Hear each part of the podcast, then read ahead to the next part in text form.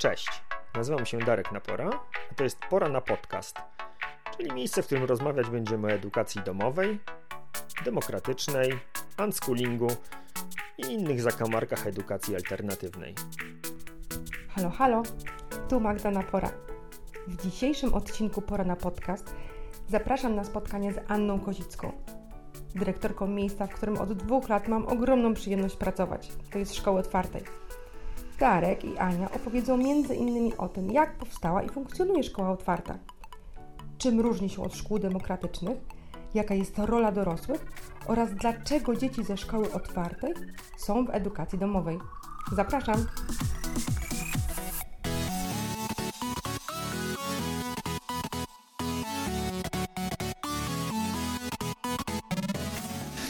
Dobrze, to odpalamy e, pierwsze pytanie rozgrzewkowe, które zawsze otwiera e, podcast, czyli co u Ciebie żywe? No to takie flesze, flesze z dzisiejszego dnia. Mm, Dzisiaj mocno pracowałam z klasą czwartą.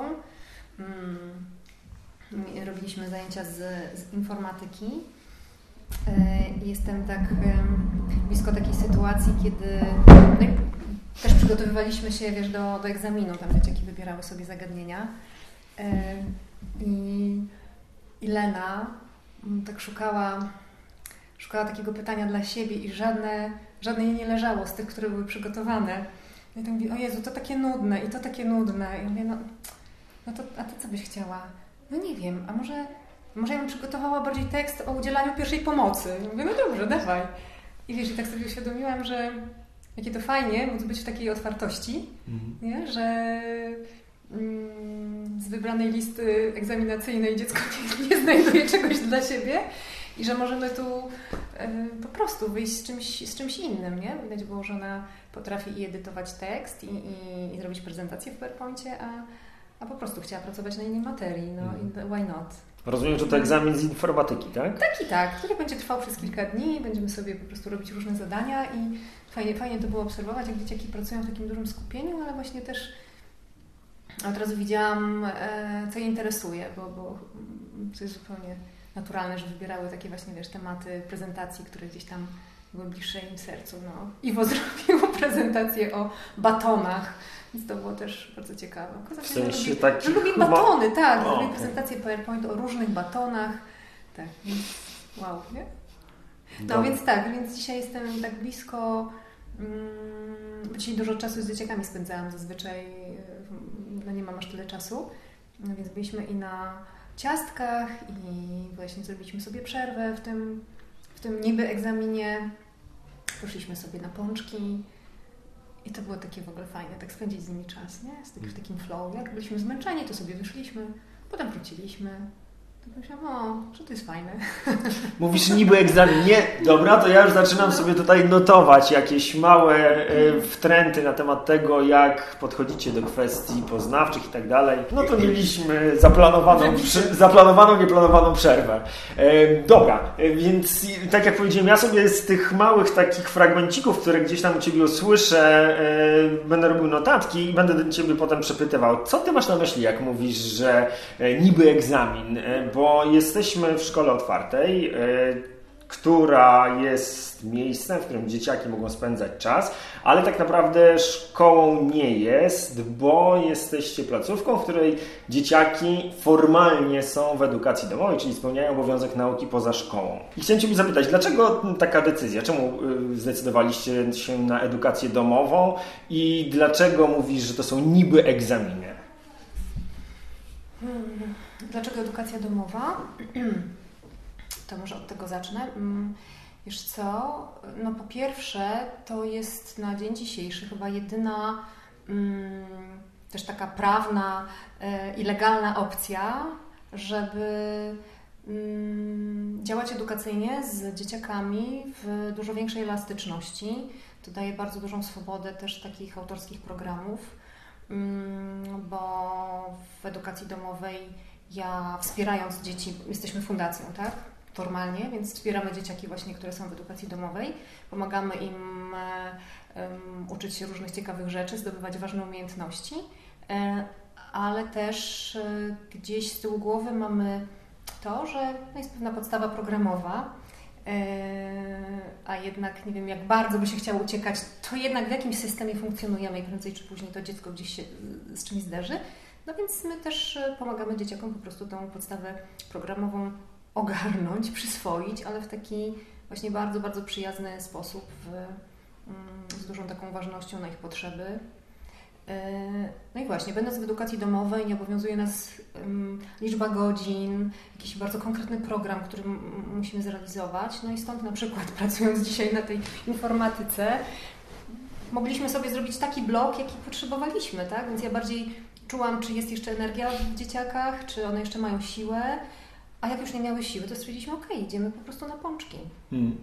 No dobra, ale słuchaj, no dla mnie to jest w miarę jasne, że dzieciaki są w edukacji domowej, rodzice mają jakiś tam pomysł na to, co ma się w tym domu dziać. No ale wy się tutaj spotykacie, jesteście, tak, tak, tak. jesteście w realu, no to do, do, czego wy tym dzieciom tutaj jesteście potrzebni? No bo zaraz, jak edukacja domowa, to oni w zasadzie mogliby być sobie w domu i tak formalnie to rodzice biorą odpowiedzialność za to, że dzieciaki będą spełniać ten obowiązek nauki, więc wy tutaj w zasadzie żadnej odpowiedzialności nie ponosicie, no to, to po co ktoś miałby tutaj przychodzić? A, tak mi pod włos trochę bierzesz. Wiesz co? To znaczy, ja nie mam takiego poczucia, że ja nie biorę odpowiedzialności. Mhm. Że jeśli tu rodzina przychodzi do nas na pokład, a ja zawsze tak w ogóle jak z rodzicami rozmawiam, to mówię, to nie jest tak, że dzieciaki tu przychodzą, tylko że cała rodzina przychodzi, nie?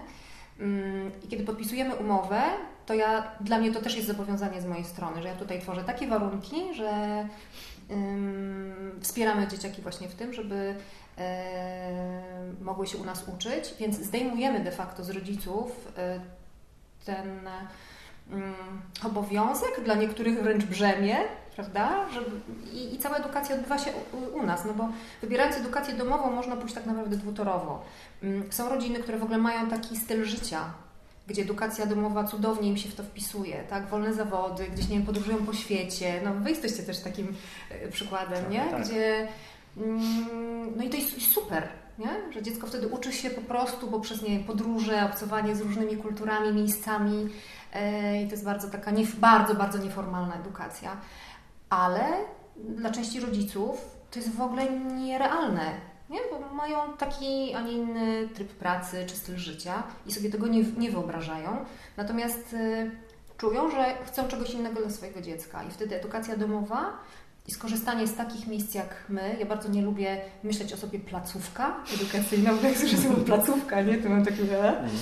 Mm, więc myślę sobie raczej, nie wiem, miejsce, nie wiem jak mogłabym się nazwać, no takie miejsce, które po prostu sprzyja rozwojowi dzieciaków w wielu, wielu obszarach, bo my nie stawiamy tylko na edukację, nie? że mhm. to jest, o coś innego też tutaj chodzi. No słuchaj, w nazwie zdecydowaliście się na słowo szkoła, więc myślę, że nie ma się co kopać z koniem. No szkoła to szkoła. No. Cokolwiek e, różni ludzie będą sobie pod to słowo podkładać, bo to oczywiście każdy, każdy może różne znaczenia do, do słowa szkoła dokładać. E, I, I za chwilę jeszcze pogadamy o tym, co to dla Ciebie w ogóle znaczy e, szkoła i, i jaka jest tutaj rola Twoja, innych dorosłych, nauczycieli, w otwartej, ale nim e, przejdziemy do tej części, to chciałem się jeszcze Ciebie zapytać o Twoją własną motywację. Bo no, zakładanie takiego miejsca no, to, to nie jest pierwszy wybór e, w większości osób. E, jest nawet to powiedzonko o tym, obyś cudze dzieci musiał niańczyć. I ty się na to zdecydowałaś, więc jak, jak, jak, jak to w ogóle wyglądało w Twoim czy w Waszym przypadku? Dlaczego podjęliście decyzję o założeniu szkoły otwartej? Wiesz co, to w ogóle to nie było w moich planach. To kompletnie nie było w moich planach, to życie po prostu przyniosło i zagrało mi na nosie. Mm, a to się wiąże właśnie z historią moją osobistą i edukacji mojego syna Kuby. E, mieliśmy bardzo krótką przygodę ze szkołą systemową. On bardzo, bardzo chciał iść do szkoły. Mm, jest takim dzieckiem bardzo rozwiniętym poznawczo i potrzebuje dużo różnych informacji, żeby się nasycić. No i po półtora miesiąca w dosyć kameralnej szkole prywatnej, ale systemowej, moje dziecko z takiego bardzo, wiesz, ciekawego świata, żywego dziecka zrobił się zielonym, skulonym, jakimś takim, nie wiem, małym szarym pieskiem. E, przestał chcieć tam chodzić, półtora miesiąca już, więc e, miałam tam kilka rozmów, one niczego nie wnosiły, więc czułam, że no nie będę wiesz, y, z motyką na słońce się porywać, nie zmienię tego miejsca, trzeba zmienić miejsce. Mm, no i wtedy wylądowaliśmy, znaczy wylądowaliśmy, ja tam chyba kilka miesięcy nawet czekałam na miejsce w szkole mm, alternatywnej, demokratycznej. E, no niestety okazało się, że to miejsce nie do końca też e, mm, wspierało Kubę w, w tym, żeby czuł się tam dobrze, ale żeby też tak poznawczo mógł się rozwijać. No i wtedy poznałam, no i wtedy pomyślałam sobie, dobra, to coś w ogóle innego. No i właśnie przyszła edukacja domowa na myśl. Poznałam wtedy Kasię Trojańską, cudowną neuropedagog, która najpierw właśnie mm, przyjeżdżała do nas do domu i uczyła Kubę. Bardzo szybciutko dołączył do niego jego najbliższy przyjaciel z przedszkola, potem dwie koleżanki. No i tak w domku zrobiła nam się taka, wiesz, kameralna gromadka, którą trzeba było dosyć szybko z tego domu wyprowadzić. Y, ja wtedy pracowałam zawodowo i no i co? I nagle ta gromadka tam rosła, Kasia już się tym opiekowała. Mm, przez dwa lata mm, prowadziła szkołę, która nazywa się wtedy Ekstraklasa. No i w pewnym momencie Kasia zachorowała na tyle mocno, że no, pod znakiem zapytania w ogóle stały losy tej szkoły. No i ja sobie wtedy pomyślałam, kurczę, nie, że to nie może się tak skończyć, nie, że nie mam na to zgody. No i z jeszcze jedną mamą stwierdziliśmy, okej, okay, to rzucamy wszystko i zajmujemy się szkołą. No, także to jest trochę historia y, szkoły otwartej jest trochę taką historią matki wariatki.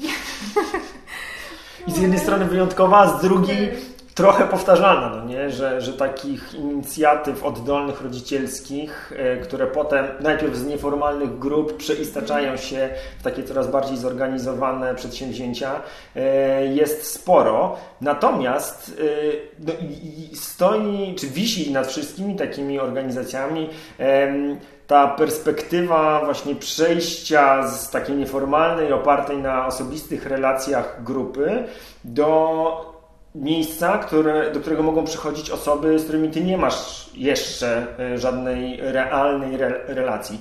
I chciałem Ciebie zapytać o to, co wcześniej robiłaś, jak, zabiera, jak zabrałaś się za szkołę e, i, i, zarządzanie w miejscem, w którym jest kilkadziesięcioro dzieci, kilkunastu nauczycieli.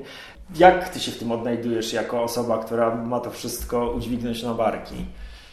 A wiesz co, bardzo chyba korzystam, nawet nie chyba, jestem przekonana, że korzystam z mojego doświadczenia, które mm, w ogóle nie jest doświadczeniem edukacyjnym. Ja przez mm, ponad 18 lat pracowałam w dużych korporacjach na różnych stanowiskach, zazwyczaj menedżerskich i mm, myślę, że teraz dopiero to rozumiem, że te wszystkie lata mnie przygotowywały do tego, żebym mogła korzystać z tej wiedzy y, prowadząc szkołę. Ostatnie, przed, przed jeszcze moją przygodą ze szkołą, ostatnie 6 lat było mocno związane z rozwojem, ludzi dorosłych. Pracowałam wtedy jako osoba odpowiedzialna za rozwój y, i programy szkoleniowe w, w jednej z dużych takich bardzo fajnych firm. Mam tam dobre wspomnienia, więc y, tam też zrozumiałam, czym jest rozwój, jak się go planuje. Byłam wewnętrznym coachem, potem w ogóle w coachingu się rozwijałam, więc y, później założyłam własną firmę, taką szkoleniowo-doradczą. Moim głównym takim obszarem było przywództwo. Gdzieś ten temat przywództwa jest mi taki bliski. No tak, no i teraz tak, teraz w praktyce to się wdraża, nie? No i masz zasoby, żeby, żeby to udźwignąć, no nie? Bo no, z tymi oddolnymi organizacjami czy oddolnymi inicjatywami rodzicielskimi często jest właśnie tak, że że to po prostu spala rodziców, którzy mm. nie wiedzą, jak to robić. I... Ale ja też nie wiedziałam. Wiesz, to jest takie, -hmm. nie no bo no, nikt mi nie mówił, jak się robi szkołę. Więc ja bardziej to traktuję jako po prostu miejsce i zespół, który ma jakiś wspólny cel, jakąś taką mm, bardzo jasną wizję. E, no i każdy tu dokłada swoją, swoją cegiełkę. Ja tutaj tylko pewne rzeczy spinam i no tak, no ważny jest zespół w, tej, w tej całości. Mm. Ale też y, jakieś takie, wiesz, marzenie, które masz, nie? Gdzieś, gdzieś musisz wiedzieć, dokąd, dokąd płyniesz tą łodzią. No. Y, ale wiesz, no z zespołem to też, jest, y, to też jest tak, że szczególnie właśnie tutaj w, w tej naszej działce edukacji alternatywnej to jest mega wyzwanie i to zarówno dla szkół niepublicznych, na prawach szkół publicznych, jak i takich zupełnie nieformalnych placówek, że zdobywanie i utrzymanie pracowników w takim malutkim wycinku rynku to jest mega challenge. Więc no, jak to u Was wygląda? Czy, czy ta Twoja wiedza i doświadczenie z tych kilkunastu lat spędzonych wcześniej w korpo świecie jakoś się przekłada na to, jak, jak tutaj tym zarządzasz, jak, jak wygląda HR-y? No właśnie, no właśnie, ja w dziale HR pracowałam, nie? Też rekrutowałam ludzi, więc w ogóle Aha. to się bardzo przydaje, ale wiesz, ja też mam takie poczucie, że jako menadżer czy lider też popełniłam po drodze mnóstwo błędów i, i, i je widzę, nie? Za niektóre muszę przepraszać zespół. Um, ale czy jest, czy jest trudno? Wiesz co, nie wiem. Ja mam tak, że ja mam, ja mam szczęście do ludzi.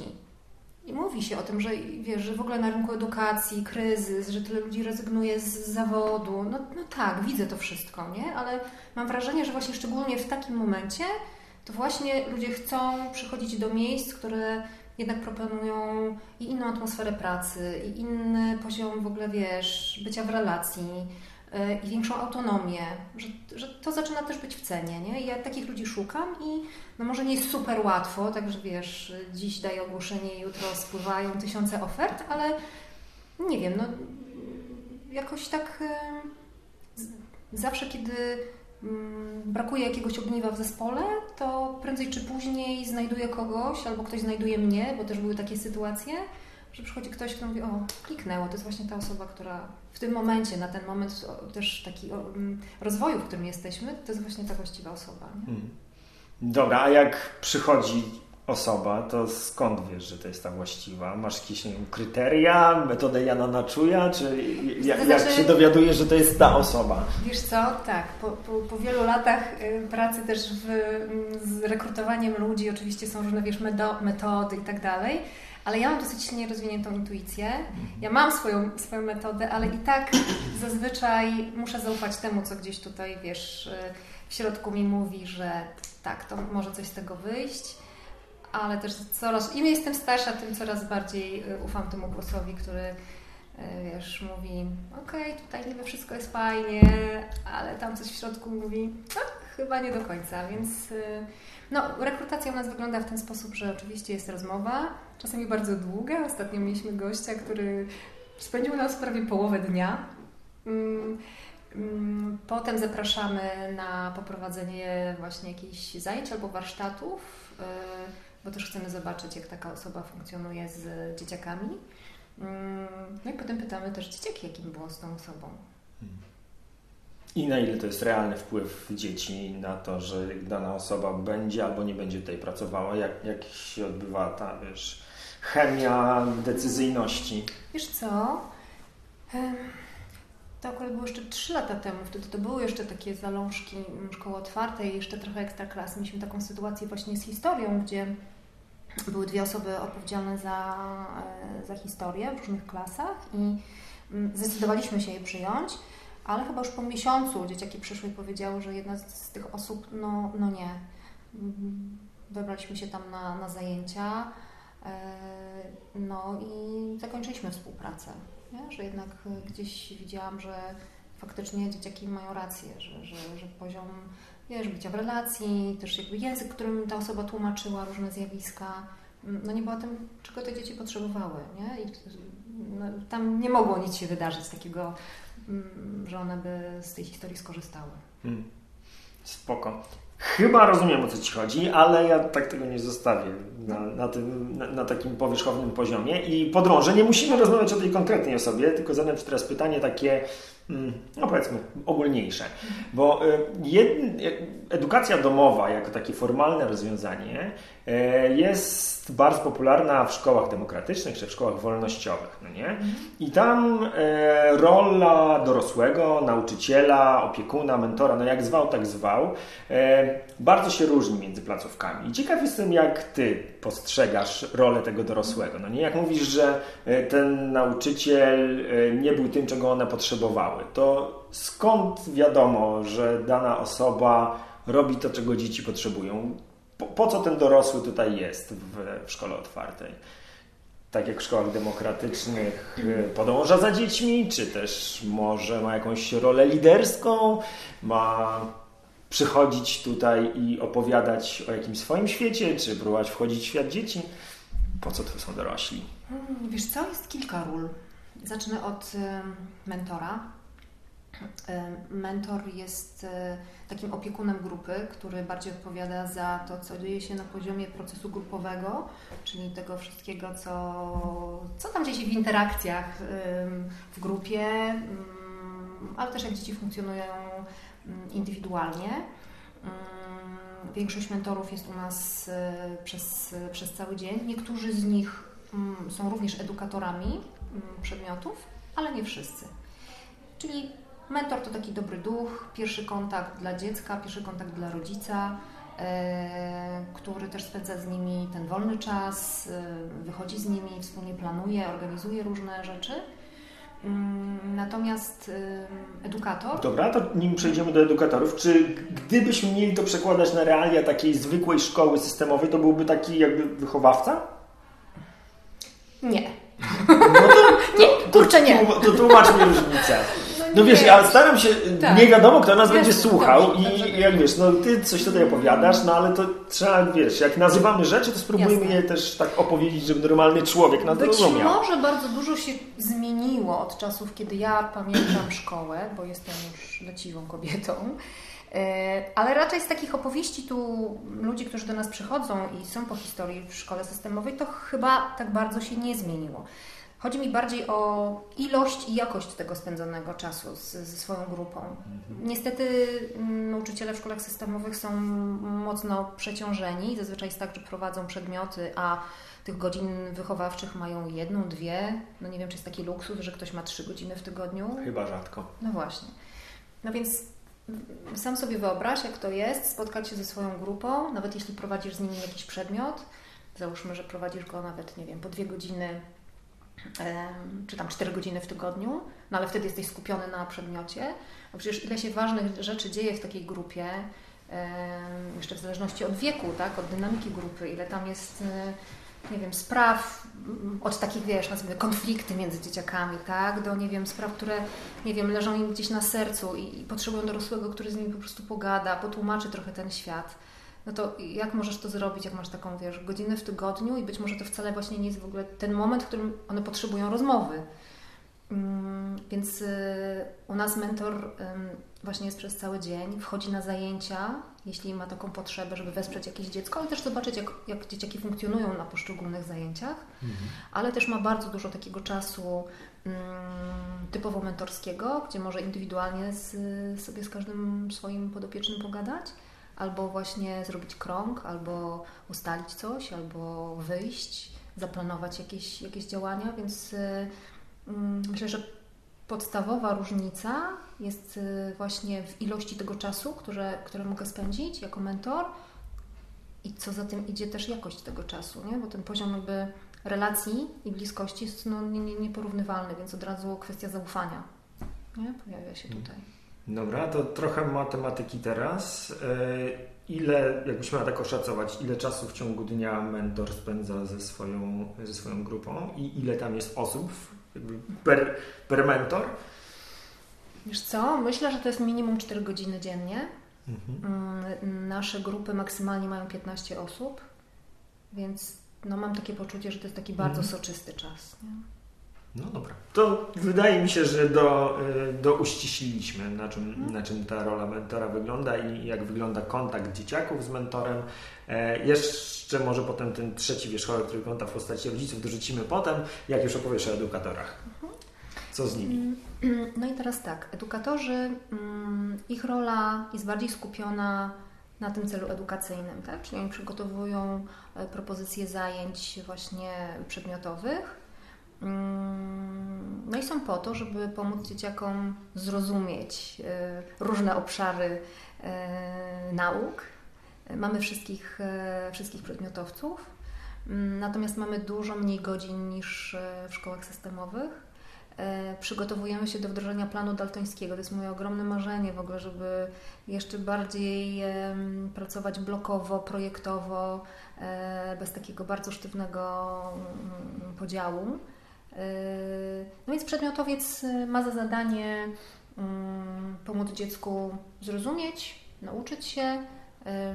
Często pracujemy, zaliczamy, zaliczamy, rok szkolny mamy podzielony na trzy trymestry. Każdy trymestr kończy się takim tygodniem, kiedy dzieciaki zaliczają projekty. Mamy wtedy też testy, bo też do tej formy chcemy dzieci przygotowywać. No i za to właśnie odpowiada mm, edukator, czyli bardziej za tą sferę taką merytoryczną. Mhm. Dobra, powiedziałaś o tym, że mm, plan, przygotowujecie się do e, planu daltońskiego, że macie testy, że są te mm, projekty, które są jakąś tam formą e, zaliczenia e, przedmiotów i znowuż, ponieważ większość osób, które nas będą słuchać, ogarniają na czym polega, polega, edukacja domowa i wiedzą, że konieczne jest przynajmniej raz w roku, choć w różnych placówkach to różnie bywa, mm, zdanie egzaminu. Jak to rozwiązujecie formalnie? Jak to wygląda w szkole otwartej? Czy te egzaminy, o których wspominałaś i testy są, składają się właśnie na na to, jako tę forma, jako ta forma zaliczenia, te trzy, te trzy trymestry i testy, które po nich następują, czy, czy to jeszcze jakaś oddzielna e, sytuacja, że dzieciaki gdzieś muszą pojechać? Nie, nie, nie, nigdzie nie jeżdżą, wszystko odbywa się u nas w oparciu o, mm, o naszą kadrę. Zorganizowaliśmy to tak, że właśnie um, trzy trymestry pozwalają no, tak bardziej wyobrazić sobie, nad czym będziemy pracować przez trochę krótszy czas niż pół roku. Y, więc tak, trzy trymestry kończą się mm, zaliczeniami projektów y, i testów. I te dzieciaki, które mm, zaliczyły sobie trzy trymestry, zdają egzaminy na takich y, preferencyjnych, nazwijmy to, warunkach, czyli mm, wybierają zagadnienia, z których będą zdawać egzamin, czyli zdają go na swoich zasobach. Wiem, że to się niektórym może wydawać w ogóle jakimś totalnym absurdem, jak to można. No my raczej jesteśmy wychowani w kulturze błędu, czyli szykujemy testy, żeby przyłapać dziecko na tym, czego jeszcze nie wie i czego się nie nauczyło. Tutaj jest inny koncept. Bardziej chcemy pokazywać dzieciakom, w czym są dobre, w czym są mocne, żeby wychodząc ze szkoły otwartej, e, no po prostu potrafiły latać, miały, wiesz, takie długie zdrowe skrzydełka. Mm, no więc właśnie, wtedy, wtedy mm, wybierają sobie z listy pytań egzaminacyjnych e, trzy z danego przedmiotu i podchodzą do, do egzaminu, który składa się z części pisemnej, potem też ustnej, kiedy jest rozmowa. Mm, pamiętam tutaj, jak jesteśmy przy tym akurat takie fajne, nawet zdjęcie zrobiłam, ale cały czas nie mam czasu wrzucić go na Facebooka. E, było zaliczenie z biologii i tutaj w tym kąciku na korytarzu ja tak wychodzę i Maja, nasza edukatorka przyrodnicza, siedzi z Wiktorem z siódmej klasy i coś tam sobie gadają, taki uśmiechnięty. Ja mówię, co robicie? A Maja mówi, no jak to co? No Wiktor właśnie zaliczał biologię. Ja mówię, wow, nie, jakie to fajne, na kanapie, bez zadęcia, na luzie. Nie? Ale właśnie to o to tu chodzi. Żeby... Ja bardzo wierzę w taką radosną edukację, że to może być, reduka... że to może być radosne, że to może być wiesz, takie lekkie. Mhm. No. Powiedziałaś o roli mentorów, edukatorów. Ja, ponieważ moja żona e, pracuje w szkole otwartej, więc mam trochę takich z, z, zaplecza e, podpowieści. E, czy są jeszcze jakieś inne osoby, które, które Was wspierają w tym, w tym procesie, w kontaktach w trójkącie tak. dorośli w szkole, dziecko i, i rodzice? Tak, tak. Mamy takie cudowne mm, osoby na pokładzie. Mamy psycholożkę, pedagogzkę. Nie wyobrażam sobie życia bez nich. Magda też, nie? Tak, tak. Wiesz, są cudowne i spędzają z nami bardzo dużo czasu. Ja nie boję się tego powiedzieć, że jestem miejscem, które bardzo mocno inwestuje w wsparcie takich specjalistów pomimo, że mamy naprawdę i super edukatorów, takich uważnych na, na dzieciaków, na, na dzieci i, y, i mentorzy też, no, to są osoby z bardzo wysokimi kompetencjami, to jednak, wiesz, ktoś, kto no, jest absolutnie specjalistą nie? Y, w, w, w tym, jak funkcjonuje dziecko na różnych etapach rozwoju.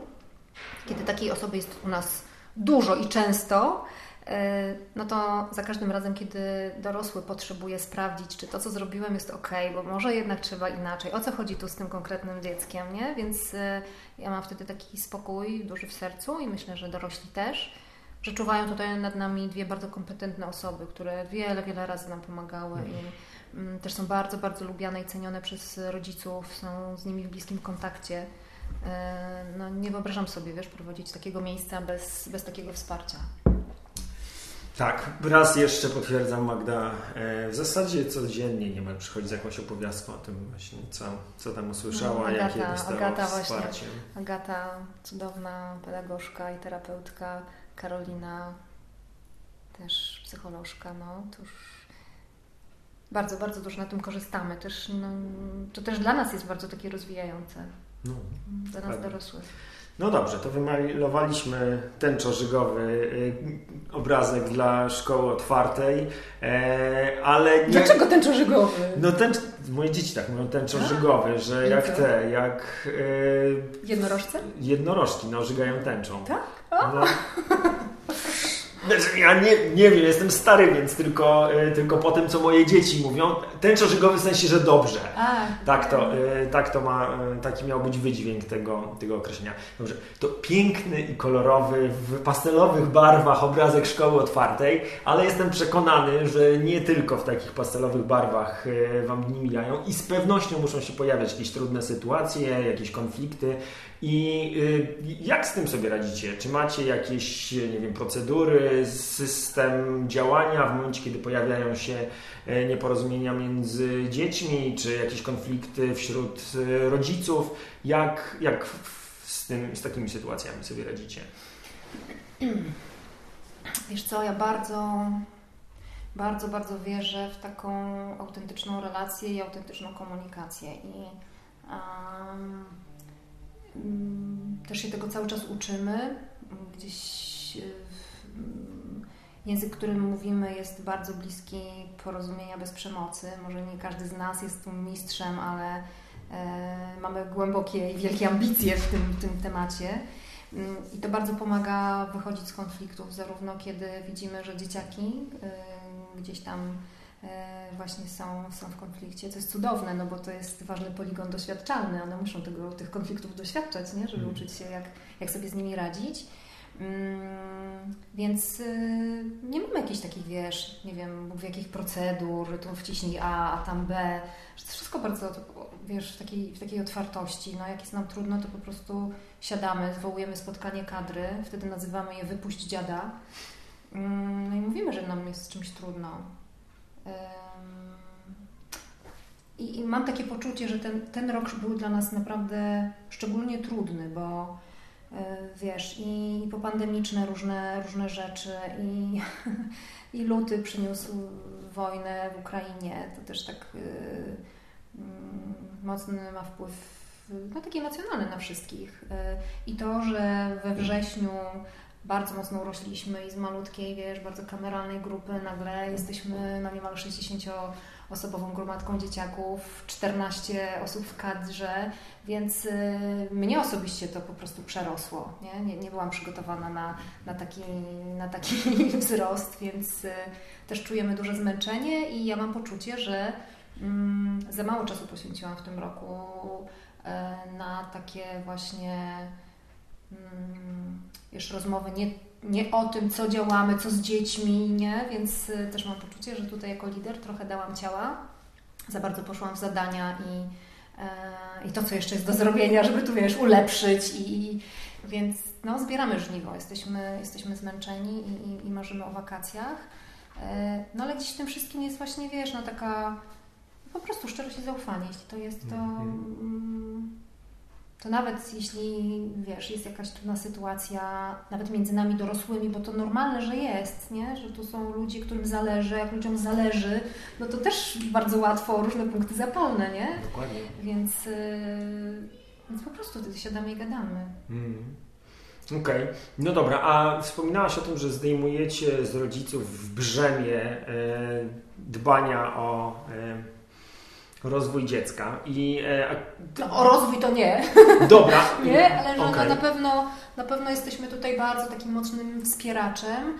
Mm, no jednak no, bardzo duża część tej edukacji jest po prostu tu po naszej stronie, nie? Że, mm. że, mhm. że, rodzice tam no, nie siedzą wieczorami z, z dzieciakami i nie dziubią pracy nie, domowej, domowych, czy w ogóle, tak, tak. No. no dobra, ale bo to, to, o co chciałem zapytać, to o, o rolę rodziców, bo do takich alternatywnych y, miejsc nie używam słowa placówek, bo, bo, nie chcesz.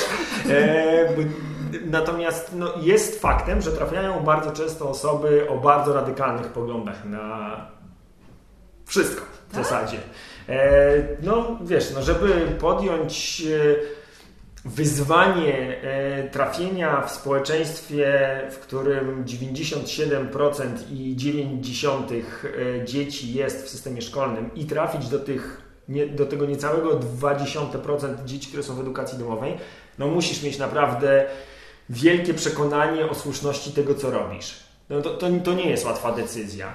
I e, ciekaw jestem, czy mieliście takie sytuacje, gdzie te jakieś trudności wynikały z przekonań czy postaw rodziców. Jak radzicie sobie z tego typu e, sytuacjami? Czyli jaki wpływ na to, co dzieje się w szkole otwartej mają rodzice i co, jeśli pojawiają się tutaj na tym polu jakieś, jakieś trudności, wyzwania? No wiesz, no my jesteśmy bandą tak. wariatów, ja i Magda, my jesteśmy z takiego unschoolingowego rozdania, że dla mnie najlepiej, żeby w ogóle tych egzaminów nie było, żeby ktoś się przyszedł, podpisał i żebym ja nigdy nie musiał słyszeć o żadnym egzaminie. Ale wyobrażam sobie, że również do szkoły otwartej mogą trafić e, dzieci, rodziców, którzy mają głębokie przekonanie, że e, podstawa programowa ze wszystkich przedmiotów no co jak co, ale matematyka, angielski i coś tam, coś tam, jeszcze co uznają za stosowne, informatyka, geografia czy coś, to muszą umieć. No i teraz jak pogodzić potrzeby mnie jako rodzica unschoolingowego z potrzebami rodzica, który mówi, że no nie, ale z matematyką to ich Państwo pociśniecie. Wiesz co, no to mm, ja myślę, że my się rozprawiamy z tym na samym początku, bo myślę, że taki typowy unschooler nie odnajdzie się u nas. Pomimo, że wiesz, szkoła, szkoła, mm, szkoła otwarta jest szkołą autorską, ze swoim jakimś pomysłem, to, to jednak no, mamy tutaj sporo tej edukacji. Myślę, że taki, tak jak ja sobie wyobrażam takiego unschoolera, no to tego wszystkiego byłoby dla niego tu za dużo po prostu. Mm -hmm. Za mhm. dużo byłoby też pewnej struktury, bo u nas ta struktura jest. Ja ją lubię, mi akurat ona daje poczucie bezpieczeństwa i widzę, że dzieciakom też, ale nie każdy się w tym odnajduje, więc myślę, że taki typowy unschooler wybierze inne miejsce i to cudownie, że takie miejsca są. Na mapie Warszawy i w całej Polsce też pojawia się ich coraz więcej. I ja na już takich, wiesz, rozmowach rekrutacyjnych z rodzicami dużo czasu poświęcam na to, żeby wytłumaczyć, czym szkoła otwarta jest, a czym nie jest co tutaj dostaną, a czego nie dostaną rodzice i dzieci. Hmm. No ale też z drugiej strony yy, też jasno mówię, że to nie jest miejsce, które będzie przygotowywało dzieci do jakiegoś, nie wiem, wyścigu szczurów i, i potem, nie wiem, startowania w jakichś, nie wiem, rankingach i czegoś takiego, więc no, osoby, które mają takie ambicje też tu nie trafią, bo, bo od początku mówimy, że to nie jest takie miejsce, więc myślę, że Mm, jasne, że mamy rodziców takich, którzy trochę, trochę bardziej by chcieli, mamy takich, którzy trochę mniej by chcieli, ale wiesz, no my wtedy szczerze rozmawiamy, mówimy, słuchaj, no, no nie, no tego nie będzie, no i, hmm. i tyle. Hmm. No ja Ci powiem, jak to wygląda z mojej strony i też dla osób, które y, jakoś tam się identyfikują z tym takim unschoolingowym i wolnościowym podejściem do e, rozwoju poznawczego dzieci, e, że to jest bardzo moje mm, i, i to są moje przekonania na temat tego, jak dzieciaki mogą czy powinny wzrastać. Natomiast e, jest faktem to, że moja córka, która e, tutaj od roku jest u Was codziennie i budzi się o 5.40 rano i tato, już mam spakowaną śniadaniówkę i już wychodzimy. Maria, tam jeszcze nikogo nie ma, ale mama ma klucze. I, no więc ja na to patrzę w ten sposób, że jeżeli jej to służy i to nie jest tak, że tutaj wiesz, korzystacie z jakichś manipulacyjnych tablic, gdzie ona dostaje uśmieszki, cukierki nie, za, to nie jest w naszym stylu. Za, za, za to, że coś tam zrobiła, mm. tylko ona przychodzi i robi to, bo chce. E, no to dla mnie to jest, to jest unschooling, bo to ona sobie o tym decyduje. Ja, ja nie postrzegam unschoolingu jako e, wiesz, zrezygnowanie z autorytetów, czy, czy zdobywania wiedzy od osób, które mają jej więcej niż ja. E, więc jeżeli tutaj jest dostęp do, do, do takich osób, no to, to, to dla mnie to jest już wystarczająco unschoolingowe i pewnie niektórzy radykalni unschoolerzy się na to oburzą, ale no tak, ja, ja, tak, to, ja tak to postrzegam ale wspomniałaś o strukturze i, i myślę, że fajnie było jeszcze, powoli zawijając do końca, żebyś opowiedziała o tym, jak, to, jak ta struktura wygląda. Taki, nie wiem, typowy dzień, tydzień, trymestr w szkole otwartej. Jak, jak to wszystko wygląda? Mm, to wiesz co, w takim może telegraficznym skrócie powiem tak, że do godziny 12.30 mm, mamy bloki zajęć, no takich przedmiotowych, obszarowych. No i właśnie tutaj, tutaj unschoolerzy by się ruszyli, ponieważ te zajęcia, no, myślę o tych starszych klasach, tak, od 4 do 8, są zajęciami obowiązkowymi.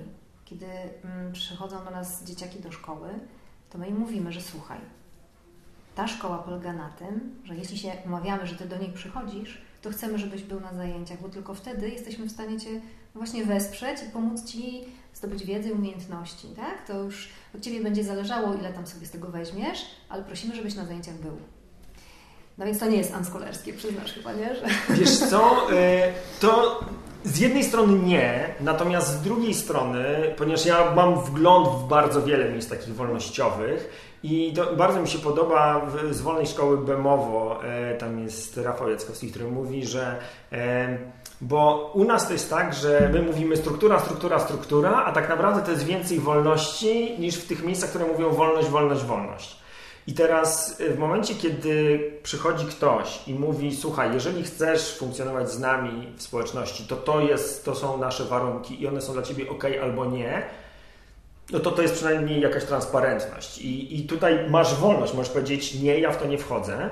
Natomiast y, najtrudniejsze i z punktu widzenia y, rodziców, i z punktu widzenia dzieci jest taka sytuacja, gdzie na poziomie deklaracji wolność, wolność, wolność, a potem się okazuje, że w praktyce tej struktury i dorośli, i, i liderzy tych placówek wymagają.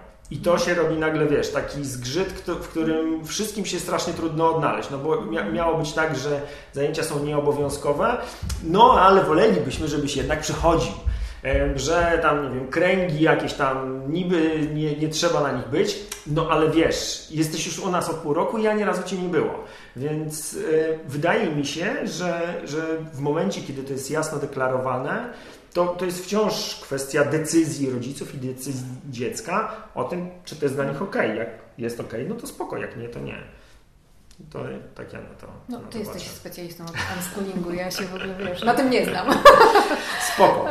Yy, dobra, no, czy o tej strukturze? O, o tą strukturę, nie? Czyli właśnie do południa, do południa mamy ten czas, yy, mamy ten czas yy, zajęć takich bardziej przedmiotowych, tak to nazwijmy. Potem mamy ponad pół godziny na przerwę na obiad. I po południu od, od 13.30 zaczynamy Y, tak zwaną przestrzeń open space i tam się zadziewają już y, przeróżne warsztaty, gdzie dzieciaki sobie właśnie już bardziej wolnościowo wybierają, na co chcą iść, na co nie chcą iść. I tam jest mm, no, warsztaty typu, nie wiem, warsztaty elektroniczne, teatr cieni, no Twoja Magda ostatnio tam szycie maskotek, jakie mamy tam jeszcze? Były RPG historyczne, teraz akurat czekamy, będzie coś innego. Jest przygoda, wyjście takie właśnie bardzo luźne w jakieś dzikie miejsca Warszawy. Zumba chyba jeszcze tak, była. Zoom, tak, dla młodszych dzieciaków jest zumba. E, teraz zaczną się warsztaty mm, wokalne kaligrafia, warsztaty gotowania. Y, sporo czasu mieliśmy też takie warsztaty rękodzielnicze, gdzie dziewczyny nawet sobie biżuterię jakąś robiły. Mm, natomiast od przyszłego roku y, chcemy też y, tak to poprzeplatać, żeby takie zajęcia włączyć w ogóle w zajęcia przedmiotowe, żeby nie było takiego sztucznego podziału, że tu mamy polski, a, a, a koraliki to potem, tylko będziemy właśnie kombinować, jak to wszystko wpleść w takie dłuższe bloki przedmiotowe, hmm. nawet nie przedmiotowe, tylko bardziej takie obszarowe wtedy. Ale czyli ta struktura teraz jest taka dosyć wyraźna, nie? że do obiadu mm, robimy to, co pozwoli dzieciakom później no, mieć takie poczucie i też rodzicom, że to, co gdzieś było do zrobienia na poziomie takim edukacyjnym, to jest zrobione, a później są te takie obszary bardziej zabawowo rozwijające inne w ogóle też y, obszary zainteresowań dzieci. Mhm, spoko. E, ja bardzo, e, bardzo się cieszę na tę myśl o tym, że, że to nie będzie rozdzielne, no nie? bo ja to mi zgrzyta przepotwornie, tak, jak masz tak, tak. E, edu, edukacja... A ciekawe a, zajęcia a, dodatkowe od 16. Dokładnie, a oddzielne, a to co fajne to tak, będzie tak, potem, tak, no nie? bo to momentalnie jakby budujesz w głowie u, u dziecka ten, ten poziom, no nie? że to to jest to smutne, nudne i tego to to fe, a to potem będzie to fajne. Nie? Także to... No wiesz, to też wszystko zależy od tego, jak te zajęcia są prowadzone, nie? Rzecz ja znaczy, na pewno bym skłamała, gdybym powiedziała, że wiesz, na każdych zajęciach i każdym przedmiocie u nas to po prostu, wiesz, fajerwerki, no nie da się też tak, nie? Ale, ale też widzę, jak y, dużo serca i, i zaangażowania zespół wkłada w to, żeby te zajęcia właśnie były inne i ciekawe, nie? I też mam dużo takich sygnałów od rodziców, że Boże, ktoś, kto nienawidział, hi- nienawidział historii, nagle po prostu stwierdził, matko, jaka ta historia jest fajna, nie? Ktoś, kto tam mówi, e, biologia była, nie? Mówi, wow, jakie to ciekawe, więc wiesz, to jest też właśnie kwestia mm, nie jakichś, nie wiem, niesamowitych technik, nie? Tylko właśnie też ta relacja chyba i takie...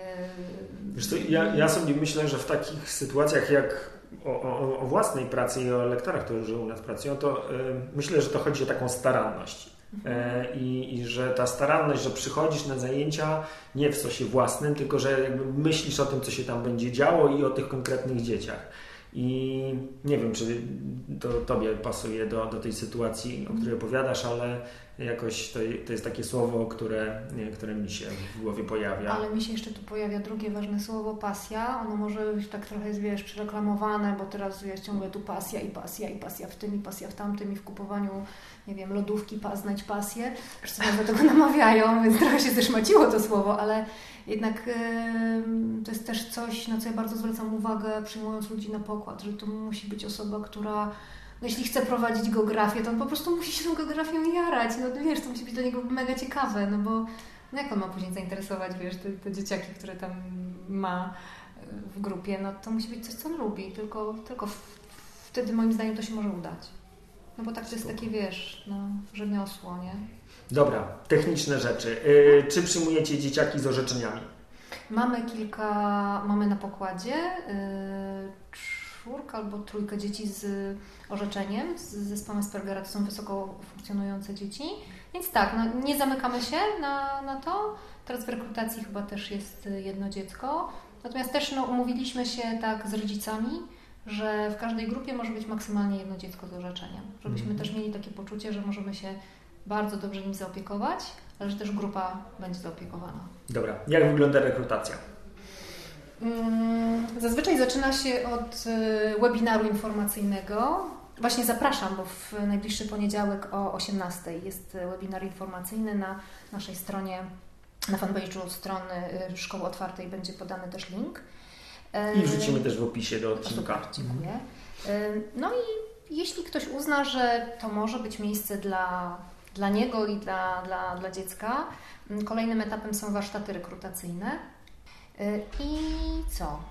No i później po tych warsztatach, jest, w międzyczasie jeszcze jest ankieta rekrutacyjna. Mm, Po tych warsztatach mm, zbieramy się w, w zespole i, i też sprawdzamy, jak nam się wydaje, które dziecko najlepiej byłoby przyjąć, biorąc pod uwagę też, jaka już funkcjonuje grupa, bo mamy pojedyncze miejsca tak naprawdę, więc też zastanawiamy się, czego ta grupa potrzebuje, tak, jakiej osoby.